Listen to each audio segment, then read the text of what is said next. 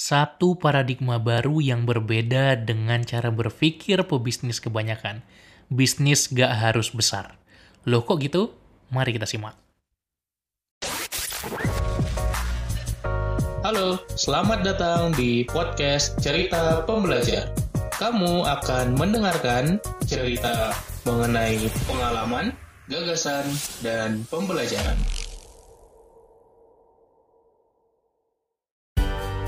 Cerita Pembelajar Season 11 Great Book Ideas. Insight buku pengembangan diri yang akan mengubah hidupmu.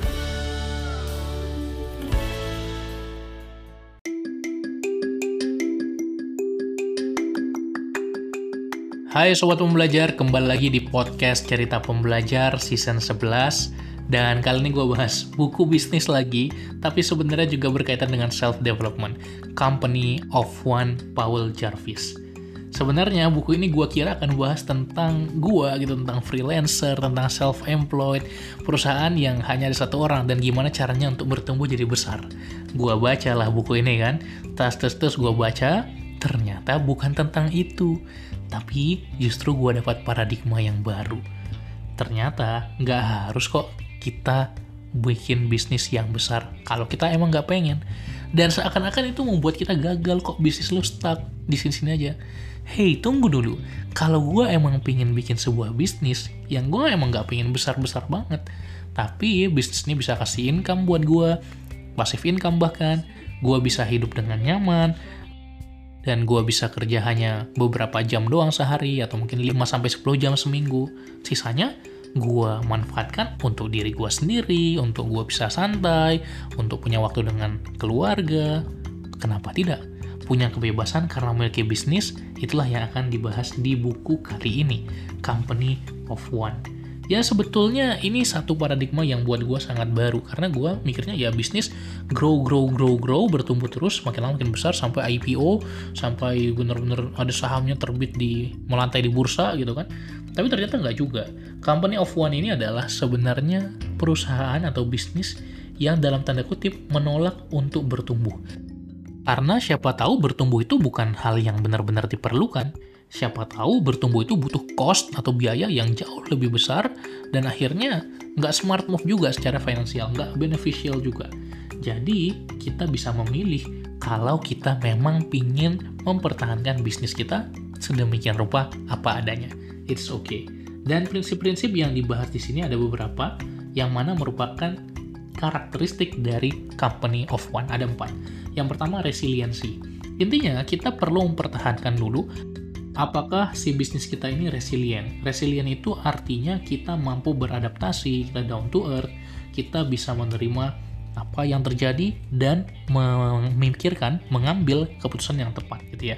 Jadi nggak muluk-muluk, tapi tetap tangguh gitu ya kalau ada tantangan seperti pandemi kemarin kemudian banyak lagi tantangan krisis, global dan lain-lain kita tetap bisa jalan gitu kenapa karena kita tangguh resilient yang kedua adalah autonomy and control jadi ketika kita punya company of one yang mungkin isi company itu cuma beberapa orang saja, kita masih punya kontrol, kita masih punya kendali.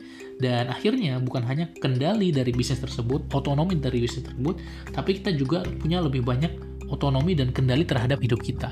Kita nggak terpaksa untuk rapat meeting, rapat, rapat, rapat, rapat dengan CEO, dengan uh, stakeholder, dengan C-level, dengan investor gitu ya. Dan akhirnya kita jadi capek sendiri gitu kalau ngebangun bisnis untuk skala yang lebih besar lagi. Nah tergantung apa yang mau diinginkan, apa kita mau membangun sebuah kerajaan bisnis yang besar, atau kita ingin punya kebahagiaan, freedom, kebebasan dalam hidup kita. Setiap orang punya keinginannya masing-masing. Kalau lo yang mana? Kemudian yang ketiga adalah speed, kecepatan. Companies of one kunci utamanya adalah speed, kecepatan. Cepet banget ketika mengerjakan sesuatu. Dan itulah kesulitannya untuk menggerakkan perusahaan yang puluhan, eh sorry puluhan belum ya, ratusan ribuan orang. Akan susah sekali, perlu chain of command yang panjang gitu ya. Locus of control yang luas. Aduh apa sih tadi?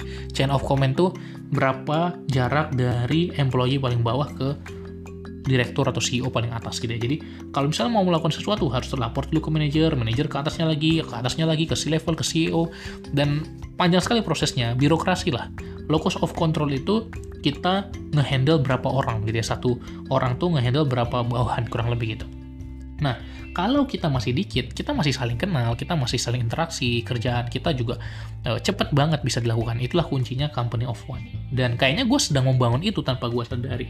Dan yang keempat adalah simplicity. Jadi nggak perlu ada struktur perusahaan yang kompleks, organigram yang ribet gitu ya.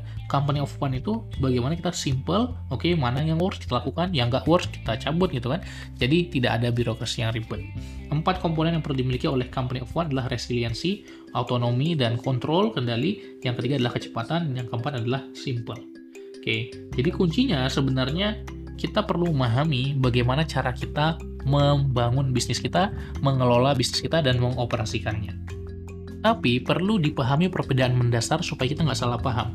Bahwa company of one itu berbeda dengan small business, berbeda juga dengan freelancer. Ketika kita melihat perbedaan antara company of one sama small business, company of one itu sebenarnya nggak pengen grow. Sementara small business itu pengen grow. Perbedaannya, small business yang biasanya mulai dari hal kecil gitu kan, tapi kesulitan untuk scaling, untuk menumbuhkan bisnisnya. Sementara company of one itu dia bisa grow, tak bisa bertumbuh, tapi memilih untuk tidak bertumbuh. Ya karena alasan-alasan tertentu, misalnya dia pengen lebih santai aja, lebih bebas, kenapa harus digrowin lagi gitu? Ini udah cukup gitu. Jadi tahu kata cukupnya. Sementara ketika kita melihat seorang freelancer gitu ya, yang mana time is money gitu kan dia akan menukarkan jasanya dengan uang akhirnya kita tukarkan waktu kita dengan uang gitu sesimpel itu company of one justru menghasilkan uang dari produk terutama bagaimana menghasilkan passive income. Jadi konsep company of one yang sangat cocok dan akhirnya gue lihat ini cocok banget buat gue adalah konsep digital product. Jadi sekarang ini ya mungkin nggak pasif banget ya, tapi gue bisa anggap sebagai sebuah passive income.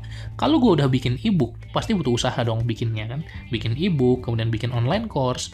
Tapi kalau udah jadi, ya udah tinggal setiap orang tuh punya akses tambahan masukin satu email sesimpel itu kan dan semua sistemnya udah otomatis jadi akhirnya gue tinggal ngonten aja tiap hari. Ya setiap hari nanti akan ada orang yang beli digital produk gue dan itulah yang menjadi passive income dan gue bisa hidup dari situ. Enjoy banget gitu loh. Inilah konsep company of one.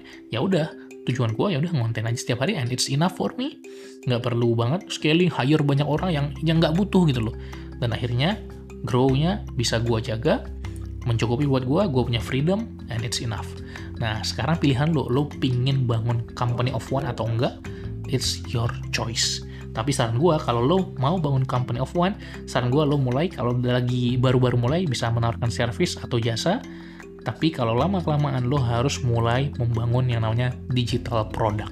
Suatu produk digital yang mudah didistribusikan, tidak punya biaya produksi lagi, ya biaya operasi biaya produksi itu sangat sedikit ya karena digital product bisa berupa software, ebook, license dan lain-lain dan akhirnya lo akan punya passive income yang memungkinkan company of one lo terwujud. Oke? Semoga bermanfaat dan selamat menerapkan episode kali ini. Sampai jumpa di podcast-podcast lainnya.